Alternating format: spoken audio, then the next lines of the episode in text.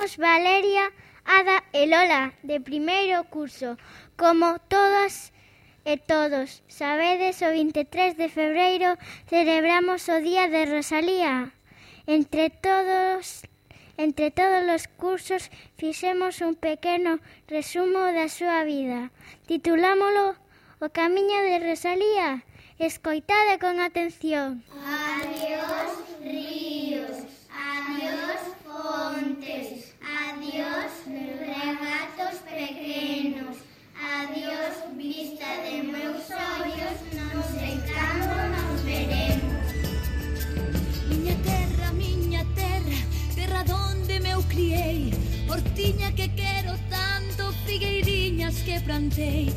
Prados, ríos, arboredas, pinares que movio vento. Pasariños piadores, casiñado meu contento. Rosalía de Castro naceu en Santiago de Compostela o 23 de febreiro do século XIX. Durante parte da súa infancia foi criada polas súas tías paternas. Sen ter contacto co seu pai e a súa nai.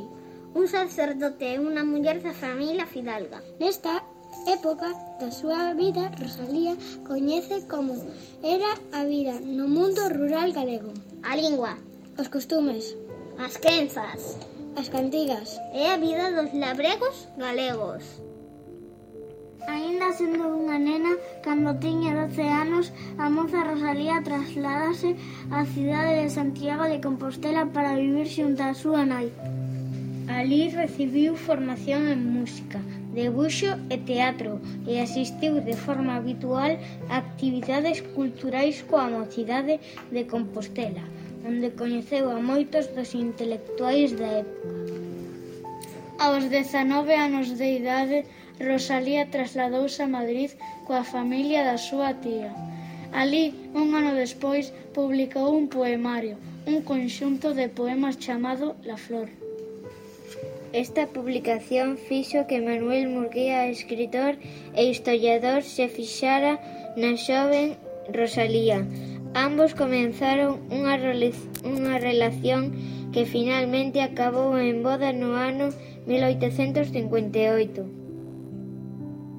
Escribir en galego no século XIX, na época na que viviu Rosalía, non resultaba nada doado, xa que a lingua galega estaba moi desprestixiada e menosprezada, e o castelán era a lingua de cultura e a lingua protegida da clase dominante. Rosalía de Castro axudou ao renacer do galego e deulle prestixio ao usalo na súa obra Cantares Gallegos, publicada en Vigo o 17 de maio de 1863. Foi tal o éxito alcanzado por esta obra de Rosalía e a admiración que causou noutros autores da época que este libro significou o inicio do renacemento da literatura galega, xa que era o primeiro libro que se escribía no noso idioma despois de moitos anos.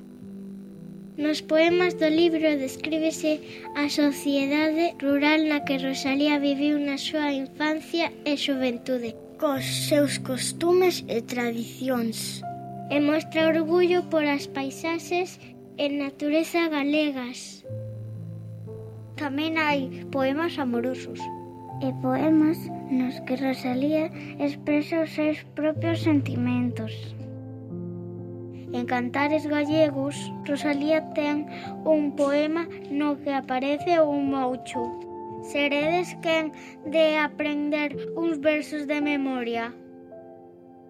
É un ben vin estar o moucho arriba de aquel penero. No te teño medo, moucho. Moucho, no te tengo medo.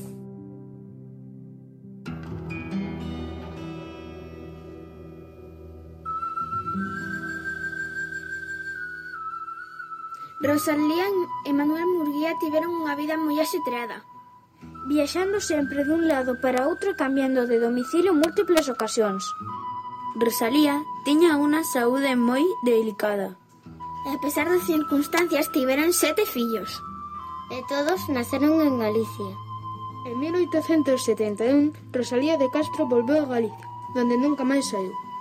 Viviu en varias localidades até instalarse definitivamente en Padrón no ano 1875, lugar no que xa pasara a súa infancia e boa parte da súa xuventude. Canto penso que te fuches Negra sombra que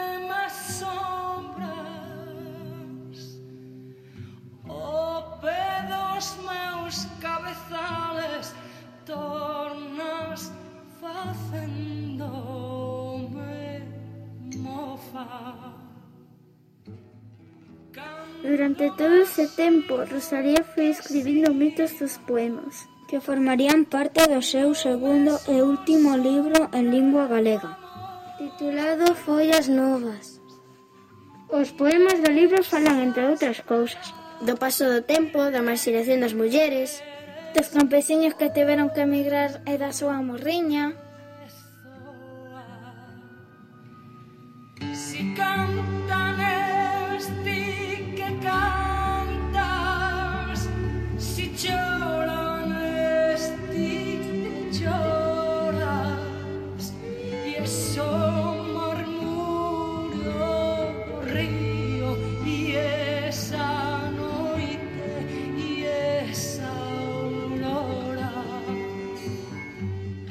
Un dos poemas máis famosos de Follas Novas é o que estamos a escoitar.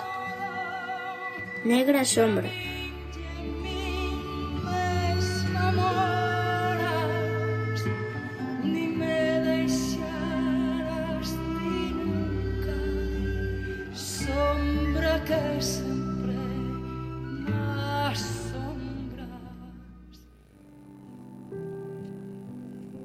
Aquí tedes outro poema de Follas Novas. Tengo tres listas blancas e un dado negro. Han de poñer dous ovos andando o tempo. E venel los carros para Saneiro, que é de xuntar os cartos para un mantelo. E no de pone posto casamento. Rosalía nunca gozou dunha boa saúde. De feito, ela mesma se definía como a eterna doente. Faleceu o 15 de xullo de 1885, con tan só 48 anos, e os seus restos descansan no Panteón de Galegos Ilustres en Santiago de Compostela. É tal o interese e admiración que as obras de Rosalía e a súa figura expertan no mundo que nas últimas décadas os seus poemas foron traducidos a moitos idiomas en numerosos parques, prazas, rúas, asociacións culturais, etc. Levan o seu nome.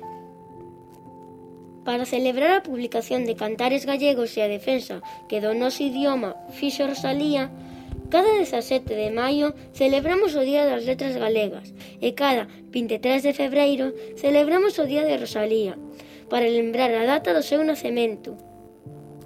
Grazas, Rosalía! Suiños dos castañares, noites claras de luar Campaniñas timbradoiras da igresiña do lugar Amoriñas das silveiras que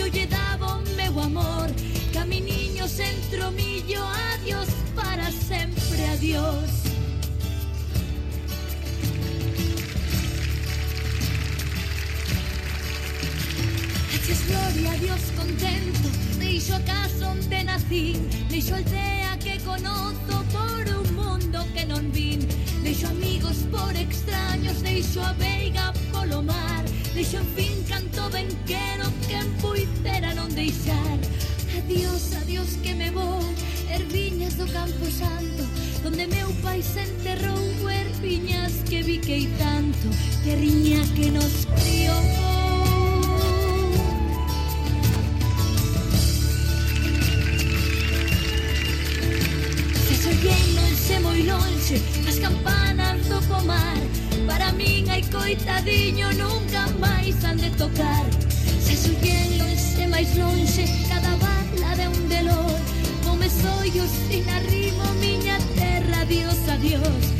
Dios tamén queridiña Adiós por sempre quitai Digo cheste adiós chorando Dente a beiriña do mar Non me olvides queridiña Sin morro de xoidadas Tantas leguas mar adentro Miña casiña meu lar Adiós ríos, adiós